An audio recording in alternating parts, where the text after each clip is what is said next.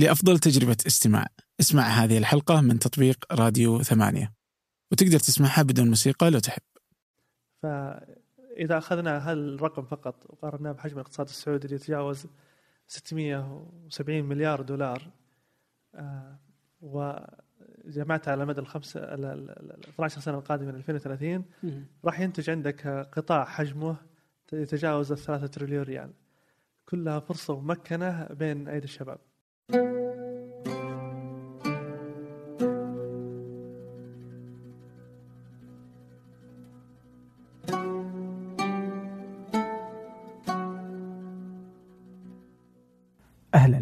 كل يوم أحد ضيف معي أنا عبد الرحمن أبو مالح في بودكاست فنجان.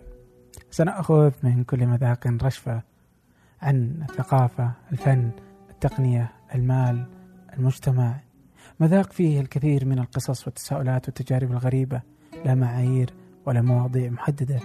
لكن الأكيد هنا كثير من المتعة والفائدة. إن كنت صاحب فكرة أو رائد أعمال وتبحث عن استثمار فأدري وتدرون أن المستثمرين وجو الاستثمار في السعودية غير ناضج. لكن لكن اليوم جايب لكم الرجل اللي يبي يخلي الاستثمار أسهل من أي وقت سابق في المملكة. ضيف اليوم هو عبد العزيز العدواني المؤسس والرئيس التنفيذي لشركة منافع المالية التي تسهل جمع الأموال للمشاريع السعودية. تحدثنا عن بيئة ريادة الأعمال عن القطاع المالي التقني في العالم وفي المملكة خصوصا وعن منافع وفكرتها وما هي الشركات التي تقبلها وكيف يستثمر أي شخص في أي شركة. وقبل أن نبدأ أود أن تقترحوا أسماء وأفكارا لتسمعوا على فنجان. كما أننا بتنا ننشر الحلقات كاملة على قناة فنجان على اليوتيوب. شاهدوها وشاركوها. ولاقتراحاتكم إيميلي الشخصي أبو مالح ثمانية dot com أبو مالح ثمانية dot com حيث أقرأ جميع رسائلكم شخصيا. أما الآن لنبدأ. أهلا عبد العزيز. هلا وسهلا الله يعافيك. هلا والله. آه الحين آه، في القطاع ريادة الأعمال الكل يقول أنه آه، مضروبة. هذه المنظومة ريادة الأعمال. فوين ما تطقها عاوية مم. آه، فما بالك بقطاع ال- الجزء يعني إحنا ما تكلمنا مثلا عن ال logistics. فإذا أخذنا برضو جزء المشاريع نفسها برضو وين ما تروح تلقى مكان. في عندنا القطاع المالي برضو هذا واحد من أهمها. آه كيف كيف تشوف اليوم؟ كذا ناخذ بس كذا القطاع المالي في السعودية بالإجمال يسمونه fintech. طبعا القطاع المالي ال financial industry إي أتكلم في ريادة الأعمال بس. في ريادة الأعمال آه، طيب. طبعا ال- القطاع المالي في السعودية من أكبر القطاعات في الشرق الأوسط آه، كقطاع المالي أوكي. آه، ومن أكثرها تقدما أيضا في الشرق الأوسط. الفترة الأخيرة السنوات الأخيرة آه، صار في تقدم كبير في كل دول العالم في الفنتك بشكل عام. السعودية قد ما تكون واكبة هذا التطور بالشكل السريع والمطلوب اللي حدث برا خارج السعودية.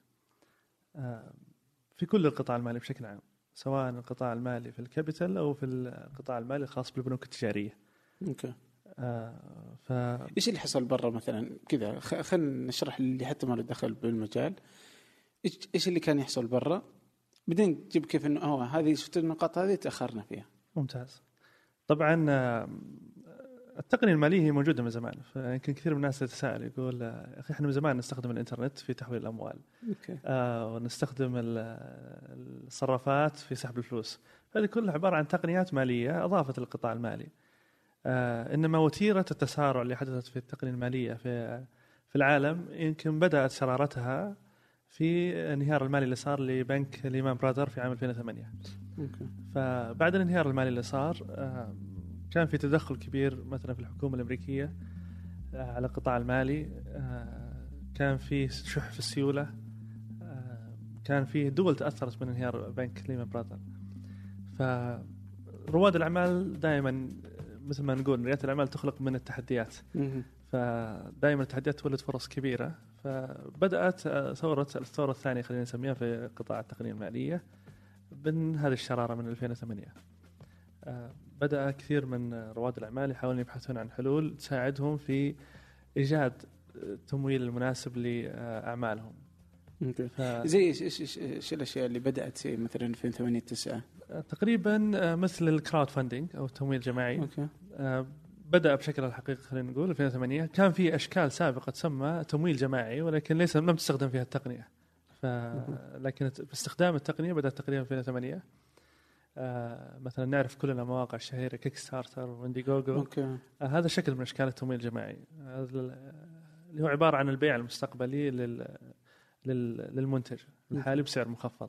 هذا يسمى reward-based crowdfunding فهو انطلق في 2008 آم، الحين خلينا ناخذ كذا القطاع المالي التقني الجديد بالثوره الجديدة مثلا أو اللي ما له علاقة بالأرض الواقع يعني اللي كله على الإنترنت. okay؟ عندنا مثلا PayPal كبنك آه، على الإنترنت. هذا قديم شوي 2001 1999 شيء زي كذا. آه، فهذا PayPal بعدين عندنا التمويل الجماعي البنوك ال- على الإنترنت فكذا PayPal جاء بعدين اشترته eBay نشوف مثلا إيش عندنا أمثلة ثانية. في عندنا تمويل جماعي Kickstarter و Indiegogo وغيرها نعم. آه. بعدين عندنا برضو آه الدفع الإلكتروني زي Stripe و و PayTabs Payfort مثلا الشركات اللي okay. اللي في السعودية أيضا okay إيش إيش في كمان برضو له علاقة بالقطاع المالي؟ القطاع المالي التقنية المالية لها شكلين رئيسية. آه، الشكل الأول اللي هو قطاع المدفوعات الرقمية وقطاع التمويل بشكل عام هذا اللي. تدخل فيها ال fintech في قطاعات أخرى آه، مصاحبة لها آه، اللي هي كأنها يستبدلون عمل ال front desk اللي كان موجود في في البنوك بالتقنية فعلى سبيل المثال سابقا كنت لما تحتاج إنك تطلب تمويل من البنك أو. تحتاج خدمة من البنك تروح للفرع وتقابل الموظف وتعبي ال application وتوقع وياخذ صوره من هويتك على أساس ينجز لك المعاملة. صحيح الآن في شركات آه، تقنية كثيرة أصبحت آه، تستقبل الطلبات اونلاين وتجيب لك الموافقة على القرض within minutes تجيك مهم. الموافقة على على على التمويل. صحيح فهي aggregator زي ما تقول البنوك آه، موجودة طبعا خارج السعودية الآن ما هي موجودة في السعودية هذا الشكل الأشكال. okay. وفي من أصعب الأشياء موجودة عندنا يعني يعني اللي الناس تواجهها اليوم. أنت اليوم كذا أنت في قطاع التمويل. صحيح. ويعتبر شيء جديد يعني. صحيح. من أصعب ال- الأشكال اللي موجودة خدمات المدفوعات في السعودية. يعني للتو نشوف مثلا مدى بدأ نعم. يدعم آه، الأونلاين وهلا لا. 2018 STC Pay yes. أوه طيب صدق آه، جيت والله جابك الحين؟ آه، STC Pay هللة. كيف تشوفوا؟ صحيح هم طبعا peer to peer يعني transaction ممكن يصير فيها أيضا. شلون؟ آه، خل آه طيب آه هي آه بنحافظ على حاجتين. إنه نشرحها يمكن شوي. مو okay بالضرورة نفصلها. ونحاول على العربي يعني. أبشر. كك أبشر. حبيبي. طبعا هللة وال STC Pay آه تقدم خدمات التحويل المباشر بين الأفراد مم. آه فما أحتاج إني أضيف مستفيد آه في البنك يعني أحتاج إني أدخل وأخذ رقم الأيبان وأضيفك واضيف اسمك لا أفتح الهللة وال STC Pay وأختار رقم الجوال آه، حق عبد الرحمن. وأحول له مبلغ معين آه، 100 ريال 50 ريال أو قطعة الاستراحة اللي. يسوونها الشباب فيصير التحويل مباشرة توصل للمحفظه الالكترونيه الخاصة فيك اللي عندك طبعا يعني ال STC وهللة أتوقع انه أصحاب المشاريع عندهم رؤية أكبر من من من فقط التحويل بين ال- بين الطرفين. يبغون ينشئون منظومه متكامله من ناحية حتى الدفع الإلكتروني ف من ناحية الدفع الإلكتروني من ناحية الحوالات حتى خارج السعودية آه، راح أتوقع يستخدمون يعني ال applications حقتهم في تطبيقات أكبر. so هو زي Square Cash تقريبا صح؟ أم ممكن ممكن تسميه زي Square Cash بس ال STC Pay ما تقدر تدفع في ال- تدفع في ال- ال stores إيه. في المحلات تقدر تدفع في المحلات تقدر تحول من طرف إلى آخر تقدر تحول حواله خارجية أيضا. من خلال التطبيق أيضا بل إن ال STC عندهم خطة حتى لاستقطاب الرواتب يعني على ما؟ أعرف منهم آه، تعرف مثلا الشركات اللي عندها عمالة رواتبها أقل من 2000 ريال أو 2500 حلو. ريال غالبا البنوك ما ترغب بهالنوع من من العملاء آه، يعتبرونه ك cost عليهم كتكلفة عليهم فبالتالي تلقاهم يعطونهم بطائق مثلا صراف للبنك آه، فقط إنها تسحب من صراف واحد انه صراف البنك فقط ما تسحب من صرافات. أخرى. يعني فيها فيها يعني آه، محدودية. في التعامل مع البطاقة. فال STC أعتقد إنها راح تستقطب الشركات اللي عندها عماله رواتبها منخفضة بحيث إنها تحول الرواتب من خلال عجيب STC Pay. يعني إيش المشكلة؟ لاحظ هنا. الحين ليش هم 2018 جت آه، هللة مثلا وال STC Pay لأنه الأمور ال- إنه الحكومة ما سمحت يعني سوق المال ممكن مؤسسة النقد ما أدري مين المسؤول برضه ما أعطت رخص لهذا المجال صح؟ طبعا حتى يعني نحط الأمور في نصابها بعد حقيقة إنسان. آه، آه، يعني مؤسسة النقد وهيئة السوق المالية تراها من الجهات اللي كانت متقدمة كثير على منطقة الشرق الأوسط. فنظام تسوية الحوالات الإلكتروني ترى نعم. أول دولة طبقته كانت السعودية. شنو؟ آه، أول دولة طبقته في الشرق الأوسط كانت السعودية. اللي هو إيش؟ نظام تسوية الحوالات الإلكتروني. أها. الآن كلنا إحنا نستخدم الحول من بنك الراجحي مثلا إلى بنك آخر. آه، بدون ما يحتاج إني آه، مراجعات أخرى تسويها من خلال الإنترنت. تسوي عمليه التسوية وفي نفس اليوم توصل الحواله إذا كانت خلال وقت الدوام المعين. okay. كذلك نظام المدفوعات سداد. نظام المدفوعات الإلكترونية أول دولة طبقتها في الشرق الأوسط ترى كانت السعودية. okay. يعني طبقتها في عام 2004 يعني يعني قديم جدا تكلم عن 14 سنة من الآن. آه، الآن نسمع عن كثير شركات تقنية مالية مثلا موجودة في الشرق الأوسط وموجودة حتى بعض الدول الأجنبية. تكلمك تقول والله fintech إني أنا أخليك تدفع الفواتير حقتك من خلال ال application ف...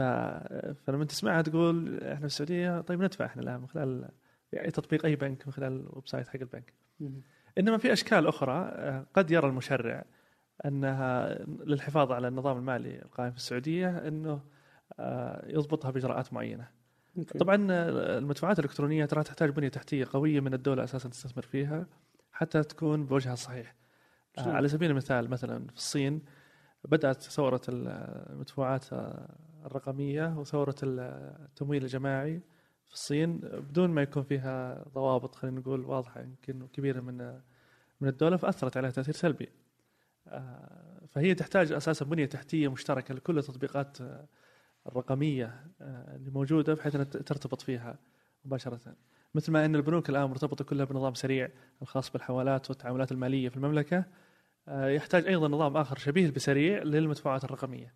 ففيها استثمار وبنية تحتية تحتاج أنها تسويها الدولة قبل أساسا ما تسمح ل للمدفوعات الرقمية أو شركات التقنيه الماليه بأنها تبدأ وتنطلق. اي بس ما تحس إنها مشكلة برضو إنه مثلا سداد يعني صحيح إنه أدى المهمة لكن كشركة لو أخذناها شركة فهي شركة واحدة مملوكة للمشرع وما ي- موجودة منافس آخر له فما في إلا سداد يعني. وسريع هو سريع خدمة واحدة مملوك لذات المشرع وما في إلا هو يعني. صحيح إنه في تطور إلكتروني وإنه أصبحت على الإنترنت فهذا حقيقة.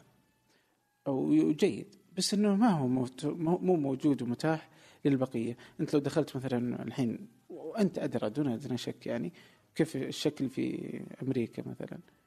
16 ألف شركة تقدم ذات الخدمة. لكن يفرق هذا كيف يسويها هذا كيف يسويها. ومن ثم تطلع برضو شركات تدخل مئات الآلاف من الوظائف مئات الآلاف من الفلوس. في الأخير تعود آه، بالضرورة آه، لجميع لكافة الأطراف بالمنفعة يعني طبعا لا شك إنه دائما وجود أكثر من لاعب في السوق هو في خد- مصلحة الجميع مم. مصلحة حتى صاحب الشركة نفسها أو السداد نفسها وجود أكثر من آه، لاعب في السوق يساعد على المنافسة والحركة بشكل أسرع للشركة.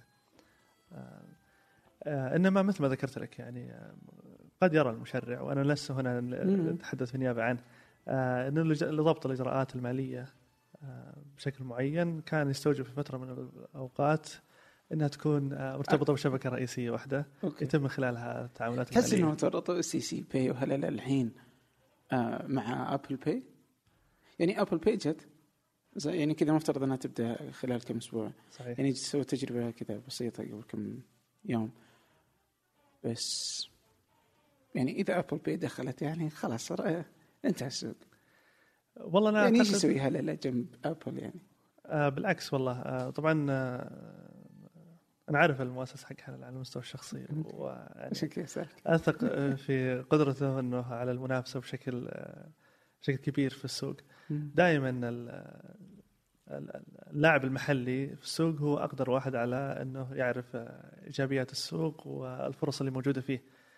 آه، على سبيل المثال آه، أوبر لما دخلت السعودية وكريم كان موجود كان كثير من الناس يظنون إنه وش بتسوي كريم مع أوبر. صح. لكن مع ذلك يعني كريم آه، يعني كان منافس شرس حقيقة لأوبر ليس فقط في السعودية إنما في سوق الشرق الأوسط كامل. فهو منافس شرس لأوبر. جد تحس إنه خويك مو متورط الحين؟ لا لا أبد بالعكس. والله؟ بالعكس يعني يعني إيش الفرق؟ إنه Apple Pay أوبر دخلت ولقيت كريم موجود. so Apple داخله وهم معهم كلهم. so Apple وهللة و STC. حتى ال STC أحس إنهم تتورط نفس الورطة يعني رغم الفلوس اللي تملكها so STC Pay Apple Pay آه هللة. كلهم داخلين مع بعض. آه Apple Pay عندها عندها الفلوس إنها تسوق زي ما تبغى. عندها السمعة. وموجوده في كل جهاز موجود اليوم في السعودية. أو- كذا already موجوده و... فهي تتحكم في العتاد إنه ما حد يقدر يستخدمه بالسهولة إلا هي. بس تضغط ضغطتين تدفع.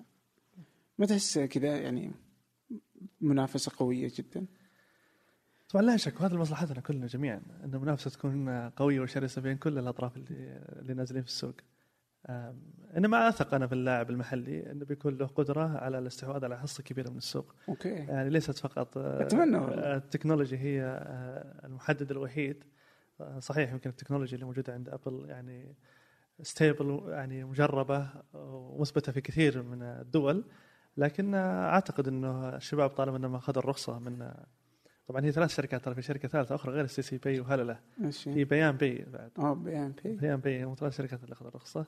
أثق إنه راح يكون لهم تواجد وتواجد آه، وفي مدى جيد. بي برضه يعني مدى على Pay. Android آه، مدى Pay ال Android نعم نعم. و Apple Pay تراها أعتقد مع مدى في في ال Apple في عفوا أجهزة أبل أها باخذ أنا بعض الجوانب الأخرى okay عشان لما ندخل على التمويل الجماعي already مغطينها لأن في كم مشكلة أبغى أشوف كيف تقدرون آه تحلونها طيب.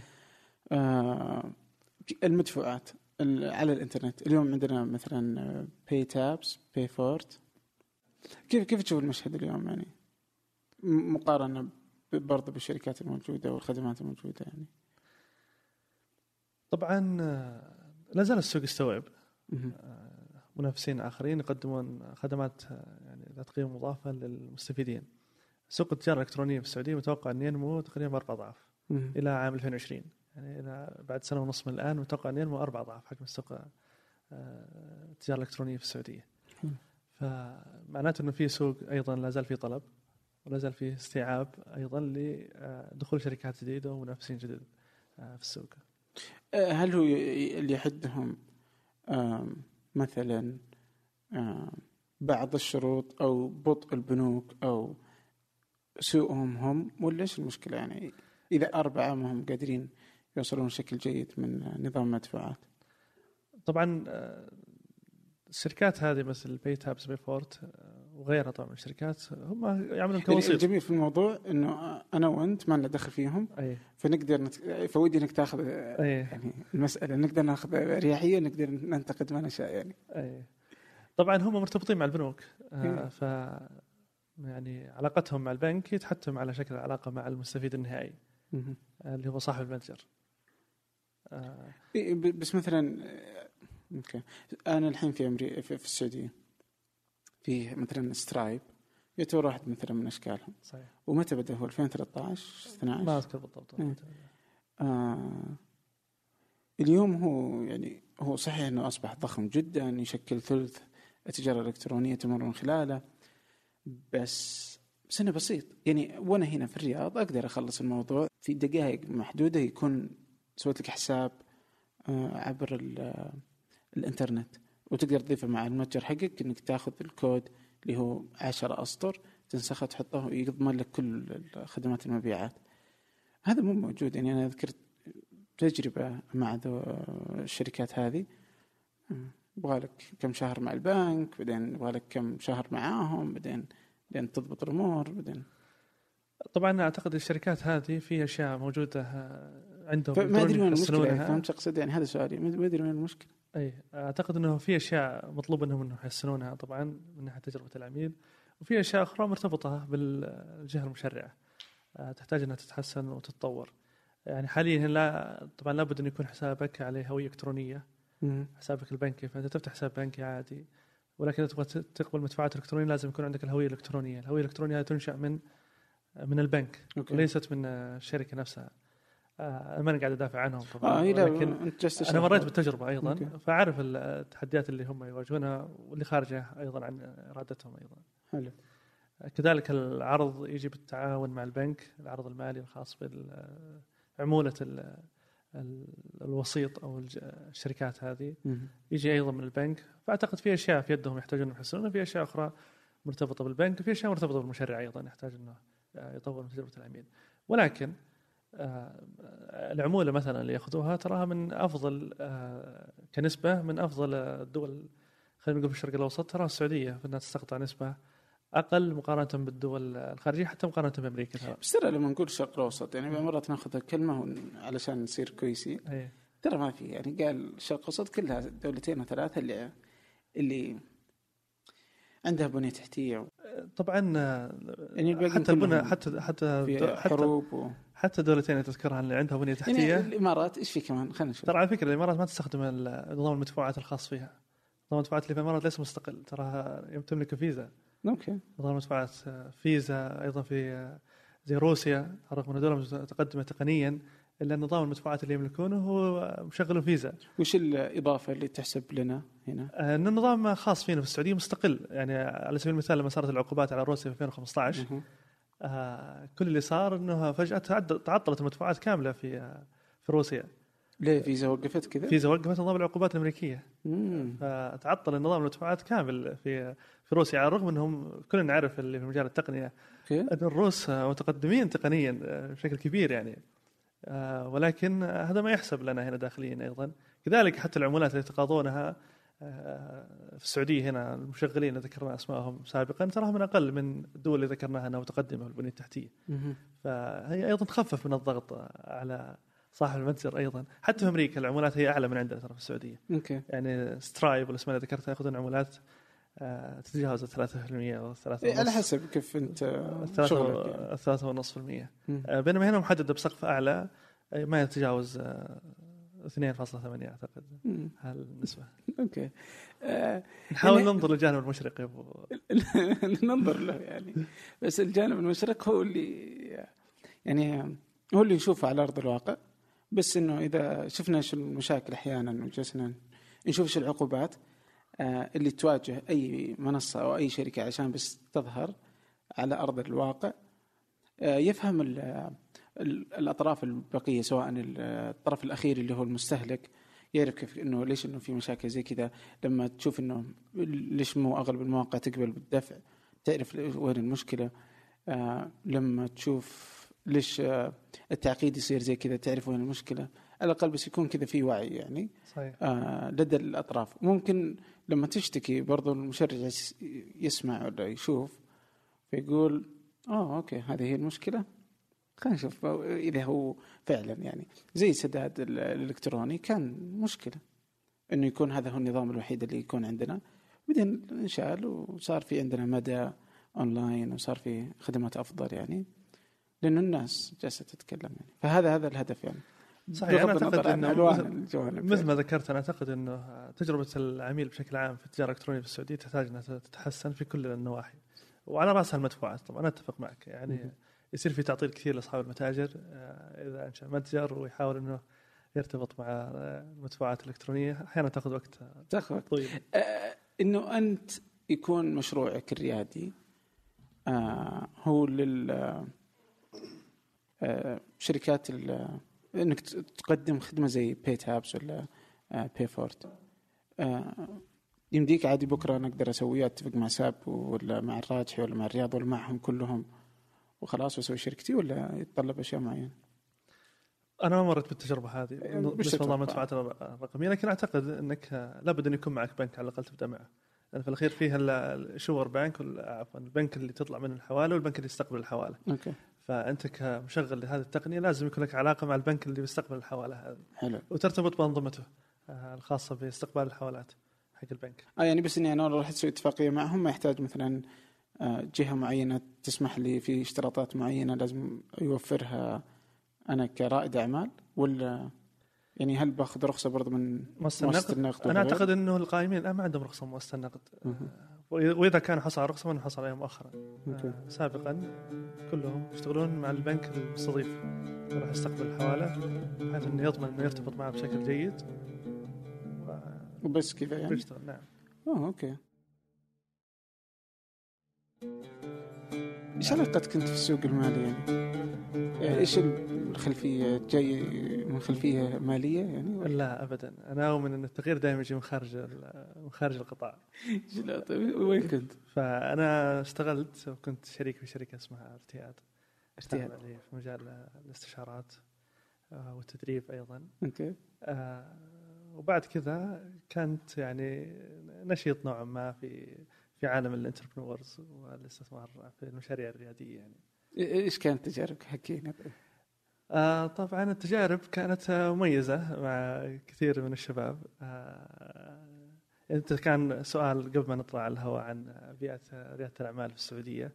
آه، أنا أرى أنها قاعدة تنمو بشكل صحي وبشكل كبير وتتسارع بشكل يعني أكثر من اللي كان يتوقعه أفضل لل أفضل آه، الشباب جودتهم الآن أفضل تعلمهم أصبح أكبر خلال الفترة الأخيرة آه، أصبح في مشاريع فعلا نوعية آه، نرى أن الشباب آه، يقومون فيها. لا زلت أذكر آه، شاب آه، مر علي وقال أنا عندي فكرة مشروع. okay.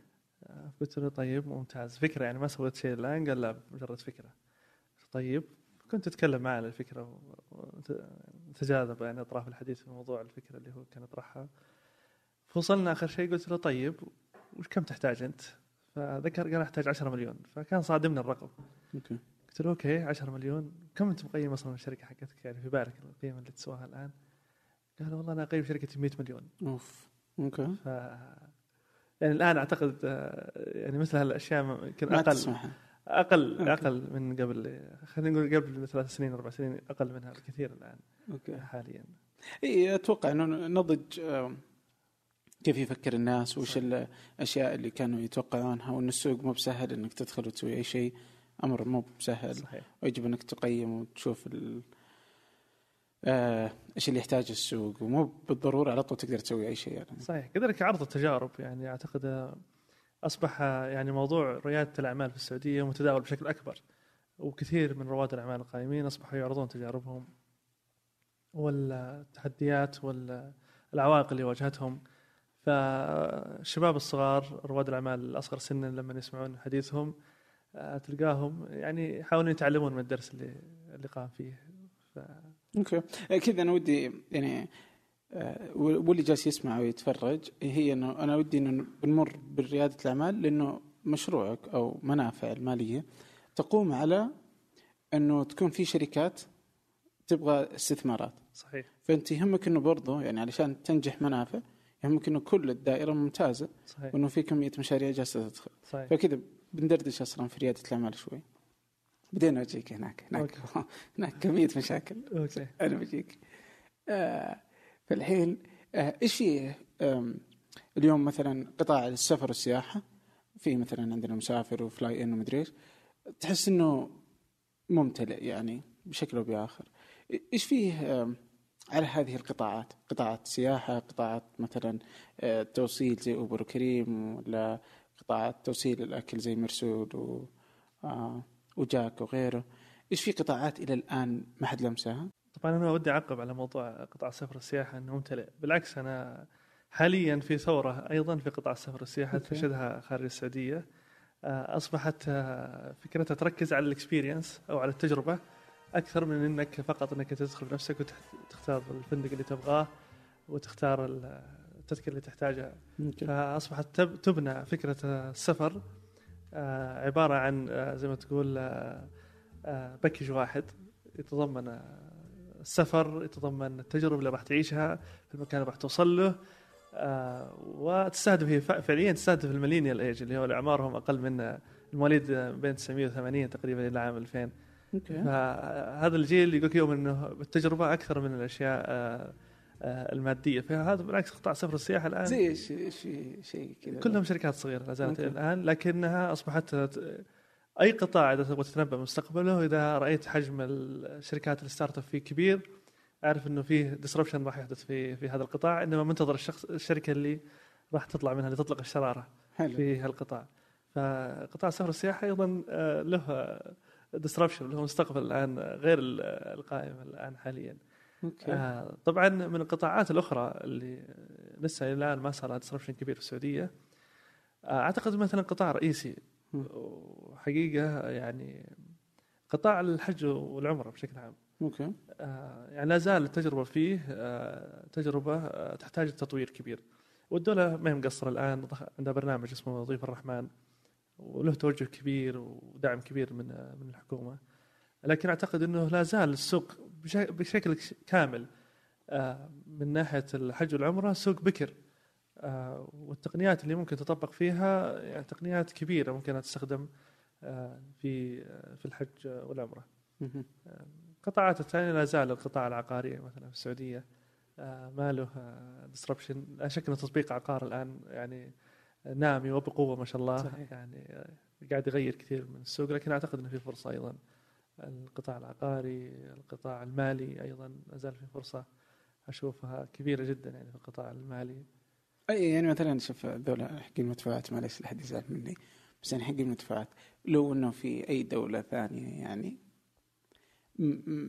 هذه الخدمة ما هي موجوده أصلا. يعني يمكن هذا هو الام في بي حقهم. يعني إيه. يعني هذا المشروع يعني مرة بط يعني يعني بس يعني بس مشي حالك. يعني بكر. بكرين. أي. ف... فيا ف... بس في القطاع المالي برضو في التجاره الالكترونيه يعني مع أمازون و... ونون. هل ما- لا يزال المكان مفتوح يعني؟ آه، نعم لا زال مفت- المكان مفتوح وكبير. آه، يعني أمازون على ضخامتها. ترى ما تشكل إلا 49% من السوق الأمريكي. آه، و- 49% 49% من السوق الأمريكي. صحيح إن السوق الأمريكي سوق كبير جدا وضخم لكن على حجم الشركة وتواجدها العالمي وانتشارها في كل الدول وقدرتها الهائلة آه، مع ذلك ما ما سيطرت على نصف 49% لا زال في 51% في السوق. مسيطر عليها مجموعة من الشركات الأخرى. ف إيش في أشياء كذا تحس انه في السعودية لا تزال أفكار ممكن إنها تكون بس مو موجودة. مثلا في قطاع تجارة إلكترونية. والله أنا أعتقد إنه آه، خاصة مع الضغط الكبير اللي قاعد يصير على قطاع السعودة آه، أي قطاع مستهدف سعودته في آه، من وزارة العمل فهذا قطاع واعد في التجارة الإلكترونية. أوكي. آه، كلنا مرينا بتجربة القطاع سعودة الاتصالات. في السعودية. كان فيه تقريبا لاعب أو لاعبين رئيسيين هم اللي استفادوا بشكل كبير من سعودة قطاع الاتصالات. ال- من خلال التجارة الإلكترونية طبعا. صار تحول الواحد صار يبغى يشتري جوال وين يروح. كان يلاقي أي محل جنب البيت دائما موجود. الآن تفكيرك الأول يصير على آه، آه، متجر إلكتروني. تروح تبحث على موقع معين جرير مثلا وتشتري. منه وتشتري منه الجوال. آه، اي بس كلاعب صغير يعني كواحد صغير. إيش الأفكار اللي ممكن يسويها عشان يدخل مثلا في أمريكا مثلا أحيانا في ناس إيش يسوون؟ يسوون شركات يسوون اللي ما تستطيع جرير آه، هناك أمازون مثلا إنها تسوي. ومن ثم أمازون ممكن تستحوذ عليهم. صحيح. هذا ممكن خطة خروج جيدة أو إنه يكون هو جالس يلعب دوره الآخر. ففي السعودية مثلا إيش في أدوار لا تستطيع أمازون ونون وجرير وإكسترا إنهم يسوونها؟ ودي إنك تفتح أعين الناس يعني. فكل ما تفتحت أعين الناس كل ما قدروا إنهم يأخذون استثمارات من خلال منافع آه، okay. آه، طبعا أعتقد مثلا زي السوق ال- السوبر ماركت بشكل عام مثلا على سبيل المثال. آه، المتوسط العالمي هو تقريبا أعتقد من 10 ل 15% يكون الطلب من خلال الإنترنت في السعودية تقريبا 1 أو 2% تشكل حجم الطلبات. آه، فهذا فرصة واعده للشباب إنهم يدخلوا في مجال ال- يعني توصيل اغراض السوبر ماركت. زي. نعناع وكذا زي نعناع زي تطبيق بقالة زي okay. في أعتقد ثلاثة أو أربعة الآن وأكثر طبعا في كثير منهم قائم في السوق الآن. لكن أعتقد في فرصة والسوق بيستوعب الكثير منهم. هذا اللي ليس فقط الفرصة للاستحواذ ليس فقط تجي من أمازون بل من الأسماء القائمة الآن مثل بندا آه، دانوب. هذا اللي في الأخير راح يشكل تحدي على- عليهم وخطر على تجارتهم القائمة. فقد تكون فرصة منهم هم يستحوذون على في قطاع ال- التوصيل أعوذ بالله. يعني أعتقد قطاع التوصيل ما شاء الله من أنشط القطاعات في السعودية يعني.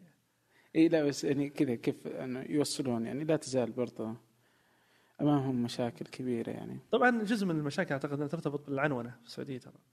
آه، بس تدري انه معنونة السعودية؟ ال- اللي هي حق واصل؟ التواصل واصل. هل ت... وش عنوانك حق واصل؟ تعرف؟ أعرفهم والله بس ما أبغى شيء فيهم علشان أنا والله عندي عنوان واصل. لكني ما اعرف أنا. لا يعني تدري إيش الفكرة؟ يعني أتوقع والله إنه مؤسسه البريد إيه. يعني أساءت لواصل للعنونة بربطها في تسويقها بواصل. ما له علاقة. أتوقع إن العنونة أمر وواصل كانت خدمة. بس إنه نفس الشيء. فهو العنوان الوطني اليوم واضح إنه مشددة الحكومة على إنه يكون كل واحد عارف إيش العنوان الوطني حقه. بس العنوان الوطني مكون من أربع أرقام. okay؟ أربع أرقام. عند كل بيت موجودة. وإذا ما أنت عارفها تقدر في جوجل. بس تضغط عليها تعلق فيقول لك ماذا ما هو هذا أو العنوان. وش ذا؟ تضغط عليه يطلع لك العنوان. فالعنوان تلقى أربع أرقام واسم الشارع فقط. هذا كل ما تحتاجه. كل ما تحتاجه. إذا كنت في الرياض. إذا كنت أنا بعطيك العنوان وأنا في مدينة أخرى. أكتب بالرياض. okay. وكذلك في الرمز البريدي والرمز الإضافي. تحتاج أنت تحتاجها هذه ممكنة لكنها هذيك تقنية أكثر من كونها في Google Maps بس اكتب اسم ال سو المكان الشركة هنا تكتب سبعة ثلاثة خمسة آه صفر اسم الشارع يطلع لك المكان. مم. على طول يعني حطه في جوجل ما يحتاج. فيطلع لك إياه يجيب لك إياه. تمام تمام يعني. الحياة حلوة بس إنه ما سوقوها بواصل خرب الدنيا علينا. زي كذا. 99% من السعودية مغطاة من عام 2009 تمت عنوانتها بالكامل. كل نذكر التجربة اللي مرت فيها واصل. وأعتقد إنها يمكن بعض الجهات الحكومية تخطئ بفرض بفرضها قانونيا على الناس فيسبب النفور من الناس.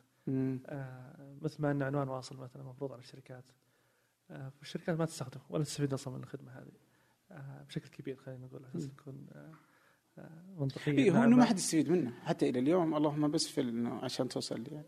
آه، كذلك أيضا عنوان واصل لما آه، يعني أعتقد يمكن فيه آه، يعني غالبا الناس ما هي ما هي ما هي لامسة يعني حجم الفائدة منها خلينا نقول. لا يزال حتى البريد لما يوصلك ترى يدق عليك آه، ويتصل عليك يقول لا وين بيتك هذا اللي هنا؟ تلف من هنا. وترى أنا حياتي أصعب. ما عندي واتساب. يقول لي أوه ارسل الموقع؟ على على الواتساب. أقول له ما أدري شلون أرسل لك. فارسل لها يعني فتصير ورطة يعني. تحتاج إنك تسهل حياتك بالواتساب والله مشكلة. طيب آه الحين نرجع برضو نقدر نروح نجي وين ما كنا. اليوم عندنا واحدة من القطاعات المالية التقنية. الجديدة اللي بدأت تظهر. يعني وما كان حتى أحد يدري عنها يعني اللي هي التمويل ال- الجماعي. آه، إيش- إيش إيش فكرة التمويل الجماعي؟ إذا جينا نبغى نشرحها؟ فكرة التمويل الجماعي ببساطة آه، آه، كلنا إذا سألنا آباءنا سابقا كيف كانت تجربتكم في الاكتتاب في سابك أو آه، صفولة أو بنك الرياض أوكي. سابقا في الستينات والسبعينات. فتلاقي تجربتهم كانت تجربة آه، نقول حلوة ومرة كانت تجربتهم في الاكتتابات. آه، سابق كانت شركة ناشئة البنك الرياض كان بنك ناشئ وغيرها من الشركات اللي طرحت في هذاك الوقت. بعد مرور 30 سنة أو 20 سنة أو 15 سنة بدأوا يلمسون الآثار من استثمارهم في هذه الشركات في بداياتها. أوكي. فبدأوا يحققون عوائد كبيرة بدأت تجيهم أرباح سنوية بدأت تجيهم ارتفاع القيمة الاسمية للشركة فأصبحت كونت لهم ثروات من هذا الاكتتاب. طبعا سابقا كان الاكتتاب محصور للشركات الكبيرة الضخمة اللي ترخص وتسمح لها آه، من الدولة آه، فقط هي تطرح. آه، فأساس كذا نرى الآن مثلا في سوق الأسهم فقط عندنا 188 شركة. المدرجة في سوق الأسهم مم. بينما حجم الشركات في السعودية يتجاوز الشركات والأعمال بشكل عام يتجاوز المليون. آه، في السعودية. فأصبح سوق الأسهم كان الاستثناء والأصل هي الشركات ال... آه، ال- ال- الخاصة خلينا نقول آه، طبعا فكرة التمويل الجماعي تقوم على إنه ريادة الأعمال مؤخرا أصبحت تكاليف بناء البزنس وتأسيسه أقل بكثير من سابقة فبالتالي أصبحت كثير من الشباب عنده القدرة إنه آه، يؤسس شركته ومعه آه، موظفين ثلاثة فقط ال- ال- القائمين في الشركة. إنما لا زالوا يحتاجون أيضا جزء من من هالمبلغ كرأس مال عامل يساعد في تنمية أعمال الشركة. فالحل اللي قدامهم يعني التمويل الجماعي أحد الحلول آه، الرئيسة للحصول على هذا التمويل بحيث إنه آه، آه، طبعا آه، يجهز شركته بشكل آه، يعني بشكلها القانوني يجهز قوائم ماليه مستقبليه للشركة يجهز البيانات اللازمة. اللي الأسئلة المتوقعة اللي بيسالها أي مستثمر للدخول في أي شركة فهذا دورنا مع مع صاحب الشركة فإننا نجهز البيانات الخاصة في الشركة ونجهز شيء شبيه ما يسمى بنشرة نشرة الإصدار الموجود الآن في سوق الأسهم ثم تعرض لعموم الناس من خلال منصة منافع ويجي أي شخص ويكتتب فيها بعدد الأسهم اللي يراه آه، مناسب لقدرته المالية. okay okay. فمثلا أنا عندي شركة. نعم. أقدر أقدم على منافع. نعم. ومن ثم ان الناس تقدر تعطيني فلوس تستثمر عندي أنا آخذ الفلوس آه، أقدر آه، أمشي الشركة. والناس يجيبوا لي وهذه المنصة الوسيط هي اللي تجيبها لي ناس نعم. آه، خلينا ناخذ على سبيل المثال مثلا مقادير. أوكي. على سبيل المثال. هات. مقادير شركة ناشئة متخصصة في مجال الأغذية حلو. آه، ولكن عنده فكرة مبتكرة. آه، فكرة مميزة مختلفة عن آه، فكرة المطاعم يعني. حلو. ف دور منافع إنها تستقطب صاحب الفكرة. تتحقق من القوائم المالية. في حال إن الشركة عمرها أكثر من سنة في حال إن الشركة لسه ناشئة فنشتغل مع صاحب الشركة على قوائم مالية المستقبلية المتوقعة للشركة خلال السنوات الثلاث إلى خمس سنوات القادمة. نجهز الأمور القانونية الخاصة بالشركة كاملة. نجهز نشره الإصدار كاملة نأخذ الموافقات اللازمة ثم تعرض لعموم الناس للاكتتاب من خلال المنصة حقت منافع أي شخص آه، يؤمن بالمخاطر الموجودة في قطاع الأعمال ويكون عنده القدرة المالية اللازمة للاستثمار يستطيع أنه من خلال المنصة يدخل ويسجل البيانات ال- الأساسية كمستثمر سعودي. آه، ويمشي في الإجراءات آه، عملية الاستثمار تأخذ تقريبا دقيقتين آه، ويتم الدفع من خلال الفيزا أو ماستر كارد أو مدى. عجيب أو الحواله المباشره طبعا. okay. ال- طيب حلو. هذا هذا هذا أنت شرحت تقريبا الحين منافع بالضبط صح؟ صحيح. so منافع. أيضا واجراءات الاستقطاب رواد الأعمال. رواد الأعمال. الحين عندنا مقادير آه شركة ناشئة آه تقدم فكرة ابتكارية. أوكي. آه بعدين جاوا قدموا عندكم. آه يبون استثمار والناس تقدر تستثمر فيهم آه أنا كمستثمر أو أي أحد آه هل أصلا يط- علي اشتراطات معينة ولا بس أسجل وبنكي و... طبعا أبغى أستثمر فيهم؟ إي طبعا آه، منصة تستقط- تستقبل ثلاث أنواع من المستثمرين اللي هم عموم المستثمرين بشكل عام. مستثمرين الأفراد المستثمر الفردي يقدر يستثمر إلى 20000 ريال على كل فرصة. كحد أعلى؟ كحد أعلى لكل فرصة استثمارية. آه، 20000 ريال. تبدأ من كم؟ من ريال؟ من 1000 ريال. آه تبدأ من من 1000 1000 ريال. إلى 20000 إلى 20000 نعم. هذا المستثمر العادي. هذا المستثمر العادي. شلون تعرف إنه مستثمر عادي؟ طبعا فيه إجراءات لاستقطاب المستثمرين. في إفصاحات معينة يقدمها المستثمر. فالأصل وعموم الناس إنهم مستثمرين عاديين okay. آه، في حال إن الشخص رغب إنه يستثمر مبالغ أكبر من 20000 ريال فيعرف نفسه كمستثمر محترف. okay. تعرف نفسك كمستثمر محترف من خلال المنصة أيضا. ما تحتاج تتطلب إنك تزورنا في المكتب أو من خلال المنصة آه، ترفع بعض المستندات الداعمة اللي وشلون اصير أنا محترف؟ آه طبعا آه يكون عندك مثلا آه، في اشتراطات معينة طبعا. منها على سبيل المثال آه إنه يكون عندك أصول تتجاوز قيمتها 5 مليون ريال. okay. آه أصول معنى بيت أو أرض أو أي أصول تمتلكها تتجاوز قيمتها 5 مليون ريال. أو تكون آه، متخصص في قطاع الاستثمار والمالية وعندك وعندك شهادة شهادة CME 1 يسموها. هي. شهادة تابعة تأخذها من هيئة سوق المال. تسمح لك بال- بالاستثمار والمضاربة. مثلا في سوق النمو الآن. حاليا يشترطون مثلا نوع من الشهادات. للأفراد. آه، أيضا في ثلاث أو أربع اشتراطات أخرى. إذا متى أي منهم ما ينطبق عليك تصبح مستثمر محترف. أوكي. آه المنصة تقبل سعوديين وغير سعوديين؟ حاليا مقتصرة على السعوديين فقط. خلال الأيام القادمة راح تتوسع الدائرة على مستوى الخليج العربي. وأيضا إحنا شغالين على مبادرة مع الهيئه العامه للاستثمار. إننا نسمح بنسبة معينة آه، من غير السعوديين. الاجانب بشكل عام. اي يعني أحس إنه برضه المستثمر الأجنبي قوة. صحيح. يعني حرام إنه يعني لأنه أجرى من السعودي. صحيح. لا بالعكس والله جريئين ترى السعوديين يعني في الاستثمار يعني كلنا نتذكر آه، لا حقيقة ترى واقع. يعني.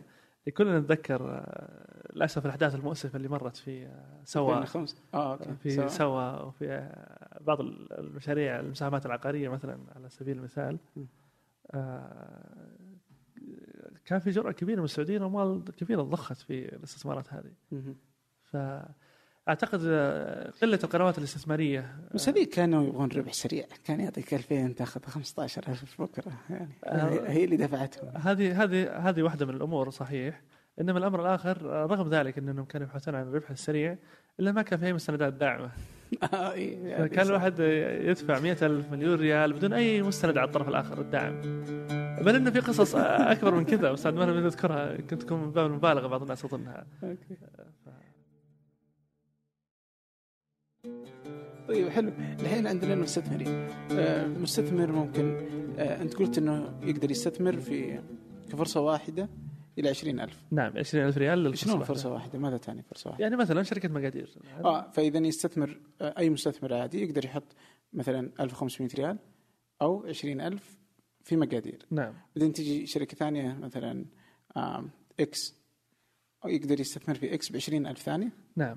طيب في حد أقصى على عدد استثماراته؟ 100000 ريال في السنة.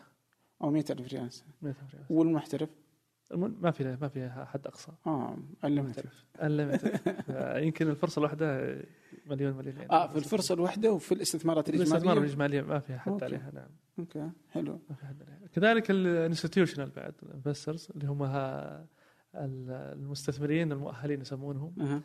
اللي هم الشركات بشكل عام شركات سواء شركات استثمارية أو شركات آه، مملوكة لأفراد. هذه ما عليها ليمت لأنهم يعتبرون آه، مثلهم مثل المستثمرين المحترفين. أوكي حلو جميل جدا. طيب الحين أخذنا المستثمرين رواد الأعمال. أنا الحين عندي فكرة. فكرة. بس. أقدر أقدم؟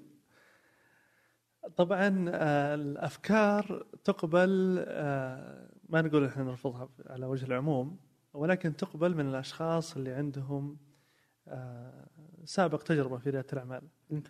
فيعرف التحديات والفرص اللي موجودة فيها. هذا اللي ينظر في الأفكار اللي موجوده عندهم. إنما كفكرة بدون أي آه، بدء آه يعني لو جاك مثلا واحد زي فؤاد الفرحان تقول له okay تمام على طول لأن عنده خمس تجارب سابقة. مثلا فؤاد الفرحان آه، موسى الرشيدي مثلا من okay. الأشخاص اللي راح يطرح عندنا. آه، موسى الرشيدي مؤسس تطبيق عقار. عنده شركة جديدة حديثة راح يطرحها من خلال منصة آه، آه، منافع. يوسف. آه، موسى الرشيدي هم. شركاء موسى ويوسف. okay. آه، شركاء في تطبيق آه،. عقار. okay.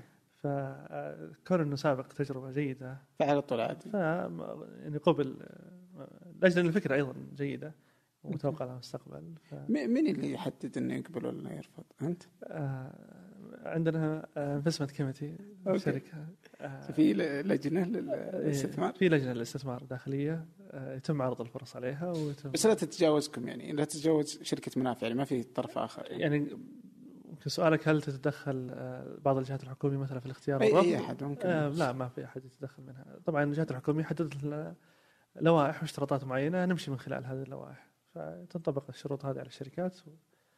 آه وتقبل. أوكي جميل. آه إذا إذا إذا أنا شركة واحد جديد في السوق عندي آه، فكرة عادة ما تحبذونها في هذه الفترة؟ إنه مجرد فكرة. صحيح. اذا متى يقبلون تبدون تقبلون الأفكار للشركات؟ آه، أو الأفكار البسيطة الحين تجارب الجيدة. آه، متى تبدون تقبلونها يعني؟ آه هو مو شرط إننا نبدأ نقبلها في منافع. لا لا متى أي مرحلة إذا وصل إليها رائد الأعمال تصير هذه المرحلة اللي أنتم تقبلونها حاليا. طبعا تختلف من قطاع لقطاع. مثلا على سبيل المثال القطاع الصناعي نقبل من الفكرة. في حال وجود آه اتفاقية معك مع صندوق الصناعي للتمويل. أوكي. فالصندوق الصناعي يقبل هو مجموعة من آه، من الشركات اللي تكون ناشئة. آه، ففي حال وجود تمويل من الصندوق الصناعي الصندوق الصناعي طبعا يمول إلى 50% فلا زال يعني صاحب العمل يحتاج تمويل الآخر ال 50% الأخرى. فإحنا نقبل أي شيء مع صندوق الصناعي نقبل مباشرة. حلو. على سبيل المثال. قطاعات أخرى مثلا آه، مثل قطاع التقنية لأن قطاع التقنية كلنا نعرف إنه قطاع عالي المخاطره عالي جدا المخاطره فيه ونسبة الفشل فيه تصل إلى مع التحفظات 90% ولكن هي أعلى من الرقم حتى 90% فغالبا شركات التقنية حسب طبعا المؤسس حق الشركة ولكن غالبا نطلب منه إنه يبدأ في ممارسة العمل. إنه على الأقل يبدأ ممارسة العمل يكون عنده دخل ويتعرف هو حتى على السوق والتحديات اللي موجودة معه. هذا حتى لمصلحته الشخصية أيضا آه، إنه آه، يجمع أموال وتكون موجودة عنده هذه الأموال آه، ثم بطريقة أو بأخرى ما يديرها بشكل بالشكل الصحيح صح. فحمايته أيضا الشخصية. أوكي آه تشترطون عليهم اشتراطات مثلا انه يكون مستق... آه متفرغ للفكرة آه أشياء زي كذا ولا؟ نعم طبعا آه، ما نشترط إنه يكون قبل التمويل إنه يكون متفرغ ولكن نشترط عليه انه بعد الحصول على التمويل إنه يصير يتفرغ للعمل. تفرغ تام. تفرغ تام لأنك أنت بتجمع 5 10 مليون ريال. فما عاد فيه أي عائق لك إنك ما تتفرغ للعمل هذا. في حال إنه كان لا يبدو الرغبة والاستعداد بالتفرغ فهذا يتم استبعاده مباشرة. لأنه لا يمكن إدارة العمل من شخص غير متفرغ. صحيح. طيب الحين آم، آه، الطرفين هذول رواد الأعمال المستثمرين. آه وأنتم في النص اللي هم منافع كم شركة زي منافع موجودة في السوق اليوم؟ آه، في شركة واحدة الآن مثل منافع آه سكوبير سكوبير نعم. بدأت؟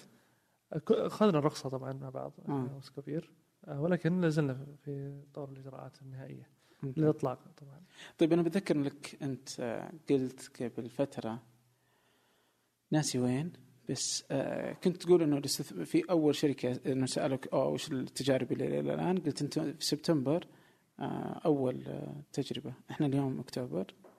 آه، وش الشركة؟ كيف آه، بدأت ولا إيش السالفة؟ طبعا آه، هذه أيضا من التحديات والعوائق اللي تواجه أي آه، رائد أعمال. أوكي. آه، طبعا كانت الخطة الإطلاق في سبتمبر. آه، طبعا آه، حاليا عندنا تقريبا سبع شركات في المراحل النهائية. آه، جاهزين كذا. آه، تقريبا آه، تقدر تقول عنهم جاهزين لل- للطرح. آه، إنما لا زلنا نعمل على آه، بعض ال- الإجراءات النهائية اللي راح تسهل وتسرع من آه، عملية الاستثمار من آه، خلال المنصة. متى طيب؟ قريبا. إيه شهر شهر شهر. يعني متوقع yes خلال شهر بالكثير راح يكون عملية الطرح إن شاء الله. okay. شهر جاهز للاستثمار؟ على طول. طيب لا الحين إيش؟ عندنا الشركات هذه. كم تأخذ الشركة لين تصبح في المرحلة النهائية؟ طبعا الإجابة هي تعتمد على الشركة نفسها مم. مدى جاهزيتها واكتمال أوراقها. في بعض الشركات ما شاء الله يعني مؤسسينها قاطعين شوط كبير في التجهيز للشركة. فهذول يكون استقطاب. شلون تجهيز الشركة؟ اشرح آه، على سبيل المثال آه، الأمور القانونية الخاصة بالشركة. زي إيش؟ سؤال جيد. يعني بعض الشركات عمرها أكثر من سنة. ولا عندها قوائم مالية.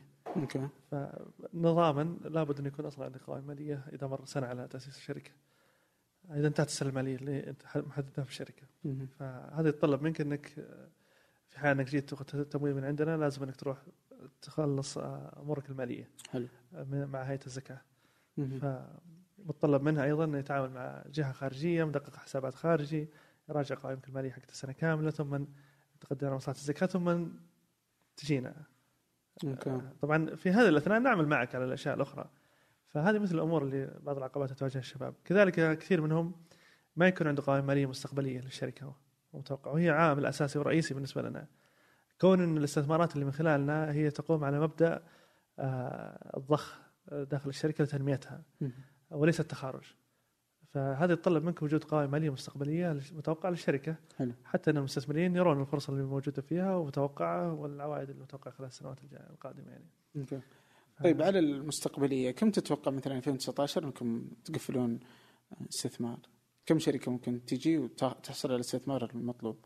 والله إحنا طبعا في منافع نقول نفسنا طويل فإحنا ما إحنا مركزين على عدد الشركات اللي راح تطرح. بقدر ما إحنا مركزين على إن الشركات اللي راح تطرح إنها تكون ذات جودة عالية وواعدة آه، في في المستقبل ف- إنتم الحين عشان الناس برضو ما تخلط يعني لاحظ أنك أنت تشتغل مع ناس يعانون نفس معاناتك. فأنت برضو رائد أعمال. صحيح. شركة ناشئة. صحيح. يعني كذا عندها تجربة جديدة. صح انه قطاع مختلف. صح انه مفترض إنه يدعم الباقيين بس برضه أنت تحتاج دعم. وعندك مخاوف وعندك آه، تطلعات. إيش مخاوفك؟ طبعا أكبر تخوف آه، يعني حقيقة في منافع آه، هو اختيار الشركات. إن نختار الشركات الصحيحة. أوكي. آه، طبعا دائما تأسيس الشركات يقوم على أحلام لرائد الأعمال إنها تكون شيء ما بعد 10 سنوات 15 سنة. آه، ف من المتطلب لنا أن نحافظ على سمعتنا العشر سنوات 15 سنة القادمة إننا نختار الشركات اللي بتطرح من خلالنا بدقة وعناية كبيرة. آه، لنا نحافظ نحاول نحافظ على علاقة جيدة مع المستثمرين ومع رائد الأعمال أيضا. فالمستثمرين اللي راح يستثمرون من خلال المنافع آه، نتمنى إنهم يكررون الاستثمار معنا في السنوات القادمة بشكل مستمر. آه، ففي حال وجود شركات كانت ذات جودة عالية وحققت آه، يعني عوائد جيدة على الاستثمار للمستثمرين فراح تكون جرأة المستثمر إنه يستثمر معنا ال- في السنوات القادمة. تخاف إنه تجيك شركة وما تحصل على الاستثمار المطلوب؟ طبعا لا شك صدقني راح أكون سعيد آه، لو في شركة ما حصلت على الاستثمار المطلوب. ليه؟ آه، هذا مؤشر على نضج المستثمرين آه، يعني كون إنه فرص تعرض لعموم الناس والمستثمرين. ولا يختارون إنهم يكتتبون في هذه الشركة هذا يخفف العبء علينا في عملية الاختيار معناته إنه المستثمرين الآن أصبح عندهم دراية كافيه ومعرفة أكبر في الشركات اللي متوقع ان يكون لها فرص خلال المستقبل وش يهمك إذا جاك واحد استثمره وفشلت الشركة وش عليك أنت من الموضوع؟ طبعا صح؟ آه، أنت أخذت هي فلوسك، ليست آه، الحياة حلوة. لا ليست البساطة هذه آه، لا, لا ليست البساطة هذه آه، تأثير آه، السمعة لمنافع راح يكون أثره كبير طبعا في حال. وجود شركات إنها طرحت من خلال منافع ولم يكتتب فيها أو إنه اكتتب فيها آه، وللأسف فشلت الشركة خلال السنوات المستقبلية. صحيح إنه ليس لنا دور مباشر في فشل الشركة. آه، يعني في الأخير هذا يعني أمر آه، يرجع اولا للقضاء والقدر ويرجع. أيضا ثم يرجع ل لمؤسس الشركة أو الظروف المحيطة. اللي اللي ساهمت في نجاح أو فشل الشركة. ولكن آه، نعتقد إنه آه، المستثمر راح يتأثر كون نحن من جذب هذا الاستثمار له. آه، فوجود منافع هو ليس فقط إنها كوسيط. إنما وجود منافع مثل وجود أي البنوك الاستثمارية مثلا حاليا سمعة البنوك الاستثمارية على الرغم إنها تجمع المليارات لإنشاء صناديق معينة استثمارية ولكن في حال لا قدر الله فشلت هذه الصناديق الاستثمارية ولم تحقق المطلوب منها. آه، سمعة البنوك الاستثمارية والقائمين عليها تتأثر بشكل كبير طبعا. صح. آه، بس ما تحس إنكم أنتم أقرب إلى أنه يعني يعني ما أدري أنا هكذا نظرت يعني في البداية في بدايه الأمر يعني. ابغاك تصحح لي إنكم زي زي ما بقول سوق الأسهم بس يعني شيء شي زي كذا. انت تتيح لي إني أقدر أنا أستثمر. يعني سوق الأسهم مثلا أنا بدخل البنك بروح أشتري أسهم في شركة سابق مصافي مدري إيش مراعي غيرها. فشلت مراعي طاحت مراعي ما بشغلي. ما بشغل تداول شغل أنت مسؤول عن ذي الشركة. أنا ما دخل أنا بس وفرت لك الطريق لأنك رحت تستثمر في هذه الشركة. آه، وإذا هيئة السوق قفلتها ولا هذا شغل ثاني. صارت عليهم مشاكل مالية عليهم مشاكل آه، داخل الشركة أنت تتحمل المخاطره ذي أنا ما يدخل صحيح إلى حد ما. آه، الفرق انه في سوق الأسهم لما تروح الآن تشتري من الشركات القائمة فهي عملية تخارج بينك وبين مستثمر آخر كان يملك هذه الأسهم. فهنا هنا عملية تخارج بين الطرفين. آه، وسوق الأسهم يوفر منصة لبيع وشراء الأسهم. okay. من من ملاك الأسهم هذه. بينما في وضع منافع الآن حاليا هو ضخ استثمارات في في الشركات المطروحة في في, في الأسهم في, في, okay. في المنصة عفوا. ضخ استثمارات في الشركات المطروحة في المنصة بعد تحقق منافع من هذه الفرصة. أوكي. كذلك التخارج حاليا في أول سنة آه، لا يوجد تخارج من من الأسهم آه، في حال إنك شريت أسهم. التخارج هو يتم بالطريقة التقليدية طبعا آه، للتخارج. وش أشكال التخارج اليوم؟ متاح. طبعا آه، يعني من أكبر المشاكل للمستثمرين في السعودية خصوصا إنه ما أقدر أتخارج. يعني فرص التخارج ضعيفة جدا. فهي لأنه يعني إما إنه أحد يستحوذ عليك أو أحد أو إنك تطل- تطلع السوق العام يعني أو ممكن نمو هنا نمو- صح؟ صحيح. وبينما هذه الحالتين ضعيفتي آه، آه، الاحتماليات ما بواردة زي ما هي في أي مكان ثاني. خصوصا مثلا إذا تكلمنا أوروبا وأمريكا يعني. أو ممكن حتى شرق آسيا. آه، طبعا التخارج بشكل عام ليس فقط في السعودية في كل العالم ترى التخارج صعب. صفقات الاستحواذ الملياريه اللي نسمع عنها هي تتم لشركة شركتين. okay. فلا تتم لكل الشركات. صحيح. التخارج هو بشكل عام آه، آه، ليس بالسهولة اللي يمثل سوق الأسهم في الأسهم المتداولة السائلة. آه، لكن نحن نعتقد إنه خلال السنوات القادمة ممكن تكون خلال سنة أو سنتين ما في time محدد لها يعني وقت محدد لها راح يكون عندنا secondary market في المنصة.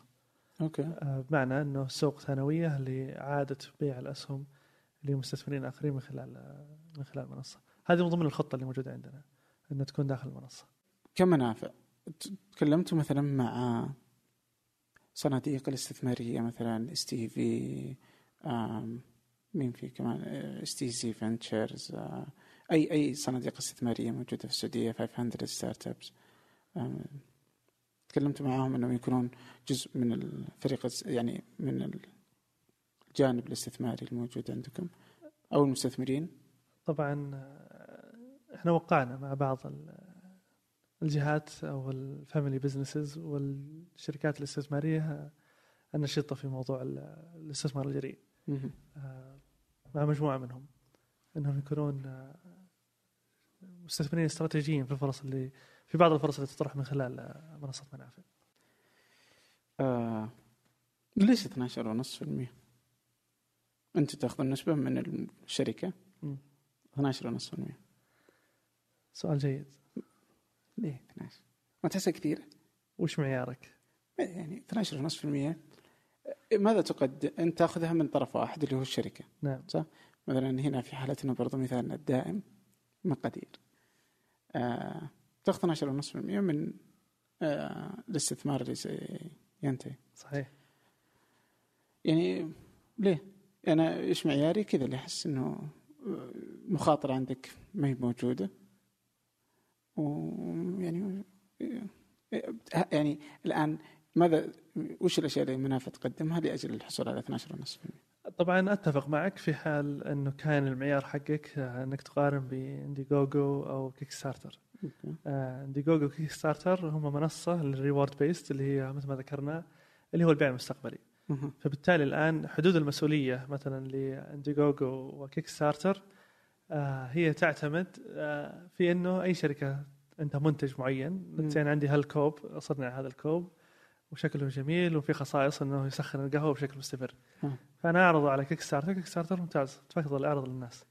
تعرض على الناس تجمع الأموال وفي الأخير عمولة Kickstarter هي 5% أو Indiegogo 5% فقط من من الطرح هنا الآن لا يوجد أي liability أو مسؤولية على Kickstarter أو Indiegogo مم. ولا فيه أي آه، متطلبات أخرى تقوم فيها آه، من ناحية الفحص النافي للجهالة ومن ناحية التقييم اللي تقوم فيها انديجوجو فبالتالي ما تجلس تقول ليش أنت بتبيع هالكوب ب 100 ريال؟ ليش ما تبيعه ب 50 ريال؟ هذا ليس من شأنها، شأنها آه، أنها تحط السعر اللي تحط تبغاه. السعر اللي تبغاه وتقول هذا هو السعر، بس بينما دورنا إحنا في منافع أن نحن بنقوم بعملية الفحص النافي للجهالة. شلون؟ آه، وشلون الفحص النهائي للجهالة؟ طبعا آه، هو مصطلح كل القطاع المالي يسمعونه بشكل يصبح ويمسي على هال- على هالمصطلح اللي هو ال due diligence عملية الفحص النافي للجهاله إنه كثير من آه، أي شركة في حال وجود رغبة بدخول مستثمرين آخرين لابد تمر بعملية الفحص النافي للجهاله بمعنى إنك آه، شركة X تدعي إن عندها مبيعات ب 10 مليون وتدعي إن عندها عملاء عددهم مليون شخص okay. وتعطي بعض المعلومات اللي تقدم لمنافع. دورنا في منافع إننا نتحقق من صحة هذه المعلومات اللي قدمت لنا. أوكي. آه، ونتحقق من قانونية الشركة. آه، ونتحقق أيضا من أن المؤسسين ليس عليهم مثلا آه، سوابق معينة مثلا في الاقتراض أو مشاكل ماليه. آه، سابقة. يعني وجود مثل هالمؤشرات تعطي انطباع على أنه يعني قد يكون هالأشخاص غير آه، يعني آه، ملتزمين. فإحنا دورنا أن نقوم بعملية الفحص النافي للجهاله على المتقدمين. آه، هذا كذلك واحد. إي هذا هذا هذا رقم واحد. وهذه هي أطول عملية ترى الفحص النافي للجهاله هي أطول عملية تستغرق. آه، كذلك دورنا أننا من خلال الهيئه السعودية للمقيمين المعتمدين أننا نقيم الشركة من أحد المقيمين المعتمدين. نعم. هالمقيمين يدرسون وضع الشركة ماليا وتجاريا وتقيم الشركة. فهذه كلها خطوات وإجراءات وتكاليف داخلة في آه، من أعمال شركة آه، منافع. okay. أرجع لك الآن مرة أخرى ل غير المنصة اللي انت وفرتها. غير المنصة طبعا البي- البنية التقنية آه، الهائلة. ما فيها ما فيها من ارت- ارتباطات مع جهات أخرى آه، مرتبطة فيها. هذه كلها استثمار بالإضافة إلى ال- الفترة الحالية اللي قضيناها في مع معمل التقنية المالية اللي تتجاوز من تقديم الطلب إلى الآن فترة طويلة يعني. وإحنا نعمل على آه، إطلاق المنصة. okay. هذه كلها تكاليف مقدمة تتحملها منافع. آه، أرجع لموضوع Indiegogo على سبيل المثال. آه، Indiegogo على سبيل المثال موجود فين؟ في السوق الأمريكي. السوق الأمريكي فيه أكثر من 300 منصة crowdfunding أو تمويل جماعي في أمريكا. ومع ذلك آه، Indiegogo آه، عمولتها لل reward based اللي هي المبيعات المستقبلية 5% ولكن عمولتها لل equity based اللي هي آه، أسهم. في حال طرح أسهم الاكتتاب العام هي 9% okay. فلاحظ انه مع وجود 300 منافس في السوق الأمريكي إلا إن عمولتهم 9% كذلك آه، أيضا موقع آخر في السوق الأمريكي SeedInvest عمولته 12.5% كذلك موقع ثالث عمولته 15% okay. في السوق الأمريكي. اي بس يمكن يقول لك انه هذا يوفر مستثمرين كثر. يعني أنا مجرد إني أنا كشركة أجي أحط اسمي يعني أقول okay بقدم عن طريق منافع. أو منافع بتض... يعني أدري إن عندهم قائمة لا تقل عن مثلا 100 200 اللي كذا اللي أوه جاهزين إنهم يدفعون يعني دفيع عندهم. فأضمن إنه أنا شركتي إنه بيستثمر فيه. صحيح. فما عندي مشكلة إني أضحي بهذه النسبة. وهذا آه، بس هذا وهذا ال- يعني آه، اللي إحنا نعول عليه في منافع.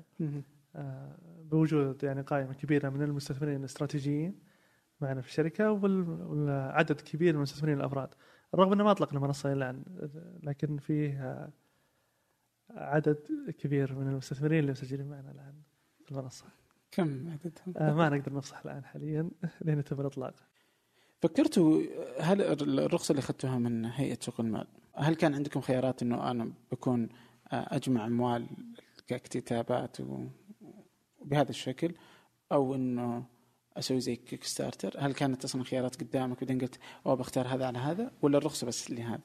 آه، طبعا Kickstarter آه، في تصوري إنه نموذج العمل حقهم قد ما يكون مناسب في السوق السعودي. آه، السوق السعودي يعتمد بشكل كبير على قطاع الخدمات أكثر من قطاع الإنتاج. Kickstarter آه، يعتمد بشكل كبير على المنتجات ال product النهائية صح. اللي يشوفها المستهلك. ف قد يكون لها سوق في السعودية لكن لا أتصور إنه الآن. بس كانت الرخصة تسمح لك أنك تروح أي أيا يكن؟ آه، إذا نموذج العمل شبيه ب Kickstarter ما أعتقد إنك تحتاج أي ترخيص لبدء نشاطك جمع الأموال مزعج في السعودية. لن تجمع في حسابك في الأخير. أنت فعليا أنت اللي قاعد تسويه نموذج من نموذج الأعمال التجارة الإلكترونية. أنت تعرض منتج للبيع. okay. وتبيع هذا المنتج بشكل مستقبلي على أنك يتم التسليم بعد ستة شهور أو تسعة شهور من الآن.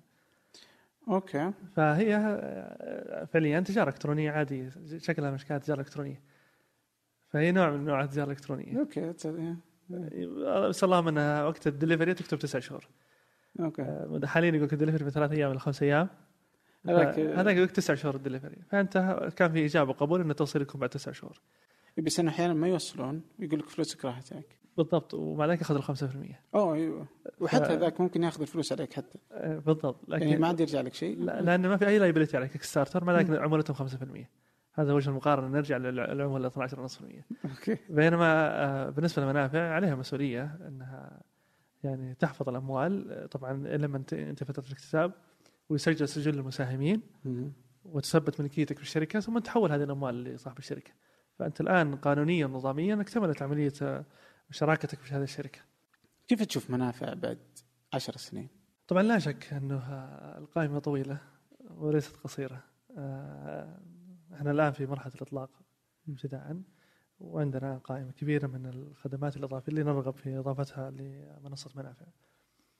آه، عن سؤالك بالعشر سنوات أنا أرى أن السوق السعودي الآن هو أفضل وقت لبدء أي نشاط تجاري. آه، الجو العام في كل الوزارات والجهات الحكومية جو تغيير. آه، وجو قبول لأي مقترح جديد. فاللي كانت تأخذ سنين وشهور حتى يأتيك الرد الآن أصبحت يأتيك بشكل أسرع. جميل. آه، حتى لو عندك أي مشروع آه، ترى إنه ما له أي رخصة في السعودية ولا له أي طريقة عمل آه، أتصور إنه أسهل وأفضل وقت إنك تبدأ فيها الآن لأن في مود تغيير وفي قبول منها. السعودية عندها خطة رئيسية واضح آه، رؤية 2030 بتنمية قطاع المنشات الصغيرة من 22% إلى 35%. فإذا أخذنا هالرقم فقط وقارناه بحجم الاقتصاد السعودي اللي يتجاوز 670 مليار دولار آه، وجمعتها على مدى الخمسة ال- ال- ال 12 سنة القادمة من 2030 مهم. راح ينتج عندك قطاع حجمه يتجاوز الثلاثة تريليون ريال كلها فرصة ممكنة بين أيدي الشباب آه، ف كمستثمر آه، إني أكون جزء من هذه الحص الكعك الكبير اللي تتجاوز 3 4 تريليون ريال خلال 12 سنة القادمة فرصة كبيرة لي كمستثمر.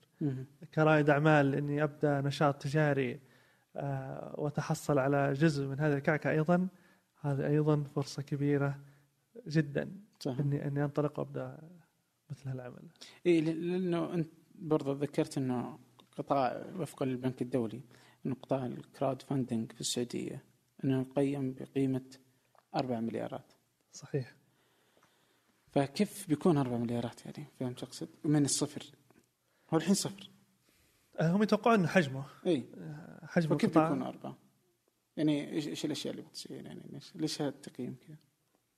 آه، سؤال جيد. آه، هي أشكال التمويل اللي قاعدة تصير الآن أشكال التقليديه جزء من أشكال التمويل اللي قاعدة تصير الآن أشكال تقليدية. راح تتحول لل crowdfunding. okay. بمعنى الآن في كثير من الشباب اللي مثلي ومثلك ومثل الشباب آه، إنهم يستثمرون باموالهم الشخصية. okay. فيلاقي صاحب له ويستثمر معه آه، بشكل مباشر لإيمانه بهذا المشروع. آه، فجزء من الطرق التقليدية هذه راح تتحول لل crowdfunding. طيب حلو. الحين بالنسبة للاستثمارات والشركات ي- ي- لا يزال برضه الناس لما دائما تقول إنه المنظومة في ريادة الأعمال ليست جيدة في المملكة. لأنها يعزونها إلى كثير من الأشياء رحنا قبل شيء توصيل مدري زي كذا بس برضه الاستثمار جزء من الأشياء المؤثرة في منظومة ريادة الأعمال خليني أسألك الآن أنت لما تتكلم عن الاستثمار تقصد فيها آه، إيش بالضبط؟ صناديق الاستثمار الجريء مثلا؟ ايا يكن يعني سواء شخص يبغى يستثمر في شركة أو صناديق استثمار جريئه تبغى تستثمر في شركة أو آه، مجموعة أشخاص اللي هم آه، المستثمرين الملأك برضه بيستثمرون في شركه اي اي أي شكل من أشكال الاستثمار تواجه مشكلة آه، قانونية بالضرورة إنه ما يقدرون فتجد إنه أغلب إذا ما كان كل الشركات اللي استثمرت فيها إنها خرجت برا السعودية علشان تشكل شكل قانوني خارجي بعدين يستثمرون برا بعدين يرجعون جوا صح؟ طبعا آه، هذه صحيح من حيث آه، النظره العامة مهم. آه، لكن كنظرة تفصيلية لها اولا آه، جزء من صناديق الاستثمار آه، الجريئه الموجودة في السعودية كحجما هي ليست موجودة في السعودية هي موجودة على مستوى الشرق الأوسط. فكحجم هذه الصناديق الاستثمارية في الشرق الأوسط كامل لا يتجاوز ترى حجم 10 مليار ريال. أوكي. حجمها اجمالا كامل آه، هالصناديق الاستثمارية. في سوق يقدر ب 1.5 تريليون آه، دولار آه، حجم حجم السوق. فكرقم صناديق استثمار جريئه موجوده في المنطقة هو رقم ضعيف. ضعيف جدا ولا يقارن بحجم الاقتصاد آه، الموجود في الشرق الأوسط. ولا حجم الاقتصاد الموجود في السعودية ك 10 مليار ريال.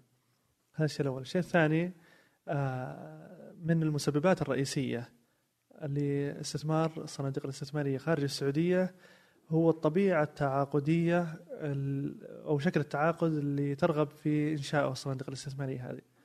فهي آه، ترغب في شروط واشتراطات معينة تتنافى مع آه، العرف و- وبعض الأحيان مع الشريعة الإسلامية وبالتالي الدولة ترفضها. فهي موجودة لحماية مصالح طرف على طرف موجود لحماية مصالح الصناديق الاستثماريه ليس في كل الأحوال لكن في بعض الأحيان على حساب آه، رواد الأعمال. آه، فلاجل كذا ما هي موجودة هنا في البيئة السعودية وغالبا كلهم يعملونها في يا ال BVI ولا ال Cayman Island آه، ولا ابو ظبي أو صح. البحرين. آه، ف يعني هل ال offshore طبعا company آه، لها أشكال وقوانين يعني مختلفة؟ ولا تخضع حتى لكل ال- القوانين خلينا نقول بشكل عام في كثير من الدول. أو العرف السائد في كثير من من من الدول. أوكي. لأنه الحين آه، إضافة شيء آخر قول. إنه كثير من صناديق الاستثمار الجريئه اللي موجودة هنا نظام تنظيميا هي ليست مرخصة في السعودية. فبت فعلا. فبالتالي آه، هي مرخصة كشركة أجنبية. فوجوده كمستثمر في السعودية يتطلب منه آه، يسجل في هيئة العامه للاستثمار وبالتالي يفرض عليه آه، الضرائب واللي هي حق مشروع للدولة إنها تأخذها على مستثمر أجنبي يدخل في السوق السعودي. صحيح. فهو جزء منها للخروج من الدائرة هذه تلقاهم تخرج بتسجيل خارج السعودية. بس يعني هو آه، الشكل الأساسي إنه ممكن تكون في صناديق استثمارية سعودية. يعني نقدر نسميها. في اليوم في شكل مثلا رائد فينتشرز مدري مان في في شركات كثيرة. يعني من أكبرها الصندوق الأكبر اللي هو ستي في ولا يزالون يواجهون مشكلة برضو في إنه في بعضهم أنا بقول لك أنا بقسم المشكلة مشكلتين إنه القوانين اللي تدور فيها الاستثمارات خارجيا يعني مثلا إنه أنا بستثمر لحصة أحصل عليها مثلا تتغير بت- بتحقيق الأهداف آه، فما أحصل عليها من الحين بس إنه وفقا للأهداف تحصل على المال وهكذا. آه، إنك تدفع لأجل حصة بس إنك تأخذ حصة أقل عشان تبغى تحصل مثلا كرسي في مجلس الإدارة وغيره وأنت ماشي. سو اختلاف شكل الاستثمار آه، أو الشراكة لا ينطبق مع القوانين الموجودة في السعودية. فهذا في في شكل واحد منها. اثنين إنه ال- القوانين هنا إنه هم ما جربوا. سو الأول إنه هم يعتقدون إنه هذه قوانين مهمة لهم للاستثمار. الثانية فهم ينتقلون لمكان واضح فيه الشروط والقوانين آه، اللي بتساعدهم إنهم يطبقون هذه. هنا في السعودية في بعضهم برضه يقول لك أنا ما أدري أصلا. أنا ما قد جربنا يعني ما في أحد قد جرب راح صارت مشكلة وراح للمحكمة. بعدين قالوا أوه لا أنت مالك حق أو هذا ما يجوز أو هذا يجوز. بس إنه ما يدرون. يعني لي أنا ما أبغى خاطر إني أنا ما أدري. تقبل المحكمة هذا العقد ولا ما بتقبله؟ فنطلع برا. فيطلعون اثنينهم برا. فتطلع شركة السعودية برا تطلع شركة ثانية السعودية برا يوقعون برا بعدين يرجعون. هذا كيف بيكون في يعني بما إن هذه المشاكل هذا الجو كذا منافع كيف الاستثمار فيها يعني؟ طبعا مثل ما ذكرت لك منافع بالنسبة لقطاع التقنية هي تستهدف الشركات العاملة واللي حققت آه، دخل وإيراد. آه، ال ticket size اللي عند منافع يصل إلى 10 مليون ريال. فبالتالي حجم الأموال اللي نعطيها هي أو الن- اللي نسمح بجمعها من خلال المنصة هي أكبر من كثير من اللي يقدمونه صناديق ال- الاستثمار الجريئه الموجودين حاليا. آه، فبالتالي آه، نحن نخضع القوانين السعودية ونطبق كل القوانين اللي آه، موجودة حاليا والمعمول فيها من وزارة التجارة. تحس إنها تحفظ ال- الحقوق في الأصل يعني وما في مشكلة من خروجهم من أول وزي كذا ولا شيء؟ آم، يعني إيش المشكلة اللي كانوا يتخوفون منها وتحس إنه اليوم منافع؟ آه، في كثير ترى من الصناديق الاستثمار اللي ذكرنا اسمائها. سابقا ترى استثمروا في شركات سعودية قائمة في السعودية بدون أي تسجيل خارج السعوديه.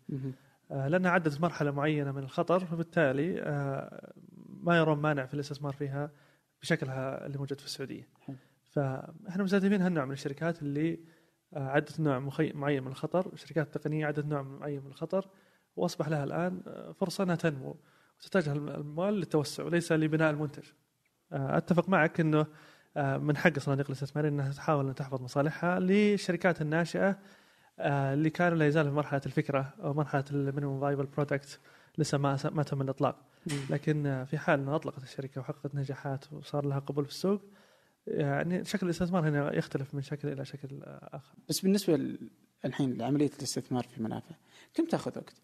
جمع الأموال الشركة الشركة تكون معروضة إلى بحد أقصى 80 يوم okay so من بداية العرض بداية 80 الطرح إلى. الإغلاق 80 يوم كحد أقصى وسياستنا أيضا مختلفة عن السياسة التقليدية اللي كانت تعمل في عملية الاكتتابات خلينا نقول بشكل عام مم. اننا نجمع الفلوس بشكل كامل ثم يصير في توزيع بعدين بالنسب بالتساوي على المكتسبين مم. فإحنا عندنا first come first serve آه، فكل مستثمر يجي ويطلب الأسهم اللي يرى إنها مناسبة له يتم قبولها آه، بشكل فوري okay إلى أن تغلق توصل للحد الأقصى ثم تو- توقف الجولة تماما.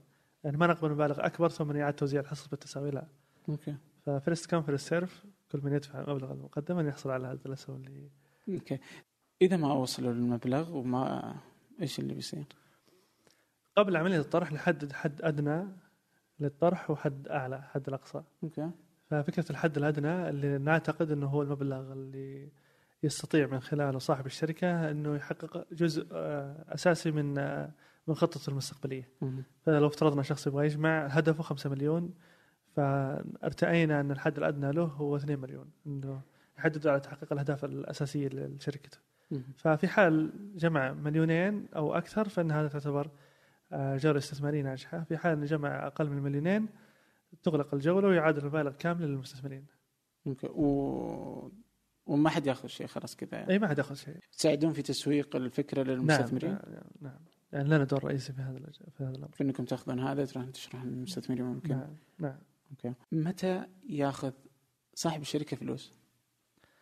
بعد انتهاء الجولة الاستثمارية آه. آه، وانتهاء الإجراءات القانونية. أتوقع انها تاخذ أسبوعين ثلاث أسابيع بعد عملية ال- الإقفال. متى ما اكتملت ال- الإجراءات النظامية تحول المبالغ مباشرة. عاد كم تتوقع؟ يعني أنا ما أدري وش الإجراءات النظامية ولا أدري وش الإجراءات القانونية بس عادة أنت بيأخذ أتوقع أسبوعين. هذه كلها. آه أسبوعين من إغلاق. أسبوعين من إغلاق الجولة يأخذ الفلوس. جميل. تكونون في اشتراطات معينة من يراقب معاه بعدين؟ يعني الجانب القانوني هل ينتهي من هنا منافع عملها؟ هنا ال- الإضافة الأخرى لمنافع. آه، منافع طبعا ال 12.5% اللي أنت ذكرتها هي جزء منها تاخذها كاش مقابل الاتعاب اللي نفذتها معه في البداية وجزء منها تاخذها كحصة في الشركة. فناخذ 7.5% كاش و5% ناخذها كحصة آه، في الشركة. 5% من قيمه آه، المبلغ ال- ال- اللي يجمع آه، لرائد الأعمال وليس من من الشركة كاملة. جميل. طيب الحين يوم قدمت يعني فكرة إنه تسوي شركة تمويل آه، جماعي ليست جديدة يعني أو صحيح. إنه ما حد شافها يعني موجودة. في كم واحد فكر لم؟ نأتي بما لم يأتي به الأولون إيه. لكن لكن إنه في مشكلة دائما يقع فيها الناس إنه يحسون إنه أوه هذا المجال مش موجود، السعودية لن تسمح فيه، جمع الأموال عبر الإنترنت مسألة مرفوضة تماما في السعودية. وفي ناس تيجي تقول لا ما عندي مشكلة أقدم بس ماني عارف أصلا وين أروح، وزارة الداخلية، وزارة المالية، مؤسسة النقد، هيئة سوق المال، من بالضبط ما ندري. ما كان في شكل واضح. أنت شلون بدأت؟ آه، طبعا أعتقد إنها هي آه، كأي إنسان بدأ أي مشروع تلقاه كان له تجارب سابقة في هذا المشروع وله آه، يعني آه، محاولات سابقة فيها حلو. فكان لنا محاولات سابقة في هذا المجال آه، إيش سويت؟ يعني كان عندنا مجموعة إحنا من آه، تقريبا من الشباب آه، كنا نشتغل مع بعض آه، بحيث إننا نبحث عن الفرص مع بعض ونحاول نستثمر فيها مع بعض آه، بشكل فردي. آه، وكان تمويل جماعي مصغر طبعا هذا فكنا نواجه تحديات كبيرة في الكوميونيكيشن والتواصل ما بيننا. فهذا واحد يوافق واحد يرفض واحد اعطني معلومات إضافية أعطنا أشياء كذا. فكنا نواجه هذا التحدي. آه، فكنت دائما أبحث عن حلول. وتجربة منافع ليست التجربة الأولى لي في هذا المجال كان لي تجربة سابقة قبلها على مستوى طبعا محدود والنطاق أصغر يعني مع مجموعة من الأصحاب يعني. آه، ثم بعدها كان لنا تواصل مع هيئة السوق المالية. وكان بعض الزملاء أيضا لهم تواصل مع السوق المالية بحيث أن نسالهم متى بتمكنون من هذا الشيء. فكانوا قالوا الآن حاليا ممنوعة وموقفة ولكن آه، من المتوقع أننا ننشئ معمل اسمه التقنية المالية. فبعد كذا صدر الإعلان بشكل عام في في الصحف وفي الجرائد في كل مكان صدر الإعلان. إيش كان الإعلان يقول؟ الفتح مجال التقنية المالية. أوكي. آه، من هيئه السوق المالية. حلو. فلما صدر الإعلان آه، يعني تقدمنا بالطلب لهيئه السوق المالية. مثل أي مجموعة كبيرة من الناس تقدمت للطلب أصلا مع لهيئه السوق المالية. كم اخذته في الوقت هذا؟ اي من قدمت إلى نوافذ يمكن سبع شهور. واو. يمكن سبع شهور. طبعا آه، أعتقد كانت فترة آه، كأول شركات تقدم على هيئه السوق المالية. استغرق فيها الوقت آه، ما أعتبره طويل لكن وقت منطقي خلينا نقول كأول شركات. لكن أعتقد إنهم راح يكونون أسرع في المرات القادمة. يا أخي لا, لا يزال القطاع المالي يعني, مق... يعني إذا أخذنا إنه الأمريكان مثلا يقولون القطاع المالي ولا يزال فيه مجال كبير من الشركات اللي تقدر تشتغل وتسوي شغل. لأن القطاع ترى مو سهل حتى صعب في مم. أمريكا. يعني على رغم عدد الشركات الكبيرة اللي موجودة فيها لكن ترى فيه ليس القطاع سهل الدخول فيه. فما بالك عندنا وفقا ل- للقوانين الكثيرة هذه؟ فاهم؟ يعني و- سواء كانت منطقية أم لا. أنا ما- أتكلم عن منطقيتها من عدمها. ممكن أوه منطقي. بس كيف ممكن نحل المنطقية هذه أنه نبسطها؟ هذه برضه ممكن تكون مسألة. يعني اليوم يعني يا كثرة التطبيقات مثلا اللي ممكن تقوم على مثلا مثلا زي منت وغيره مثلا اللي تقوم على إنها تدرس آه، عملياتك وتقسمها لك وتضبطها يعني. عندنا الحين مصاريف آه. مثلا شيء سعودي مثلا. فمثلا آه أنا أبغى أعرف وين أصرف؟ بس هنا إنه آه أنا أروح أدخلها يدويا. أنا اشتريت من البقالة خمسة ريال زي كذا. بينما إنه هناك لا عادي تقدر تروح تلقى البنوك كلها تعطيك اي بي اي فتفتح لك إياه. محاولة ضبط السوق. ألا تعتقد إنها كذا تخلينا نتأخر شوي؟ طبعا إذا قرأت اللائحة الأخيرة صدرت من صدرت كمسودة طبعا من مؤسسة النقد لكن حتصدر قريبا كلائحة تنظيمية. آه، راح تسهل كثير من الاجراءات في القطاع المالي. آه، تطلب من البنوك كلهم إنه راح يكون عندهم open API من البنوك. وبالتالي يستطيع أي واحد راعي تطبيق مثل ما ذكرت انه يرتبط مع مع مع القطاع البنكي. مع اي من البنوك طبعا بهذا سمح البنك له طبعا. فأعتقد إنه في حركة تغيير كبيرة من المؤسسة ومن هيئه السوق المالية وكلنا قاعدين نلمس ثمارها الآن وهي قادمة التغيير فيها. أعتقد إنه مجال التغيير دائم مستمر ومجال. التحديث والتطوير مستمر. واعتقد إنه العجلة بدأت وهذا هذا الامر الأهم هذا يعني. الأهم نعم. آه. هذا الأهم. وأن تأتي متاخرا خير من أن لا تأتي ابدا. صحيح. آه بس نقول يا رب الله يسهل ويكتب ما فيه منافع آمين. لكم وللسوق. آمين. وللقطاع كامل. ويصبح قطاع ريادة الأعمال أفضل وأكبر. آه واحدة من أهم المشاكل الموجودة في السوق هي الاستثمار برضو. آه وجود منصات تساعد في تسهيل عملية الاستثمار. بيكون آه فعلا آه دافع مهم آه لشكل من أشكال ريادة الأعمال في المملكة. يا وحبة حبة نقول يا رب. يا رب. شكرا شكرا يعطيك لك. العافية. شكرا صدام حبيبي الله يسعدك. شكرا لوقتك. آه كرمتني. به فلا يعطيك العافية. الله يعافيك تسلم وشكرا لك وعلى كرم الاستضافه شكرا لكم على الاستماع. فنجان وإحدى منتجات شركة ثمانية التي تنتج لكم كل المحتوى بحب من مقرها في الرياض. ألقاكم.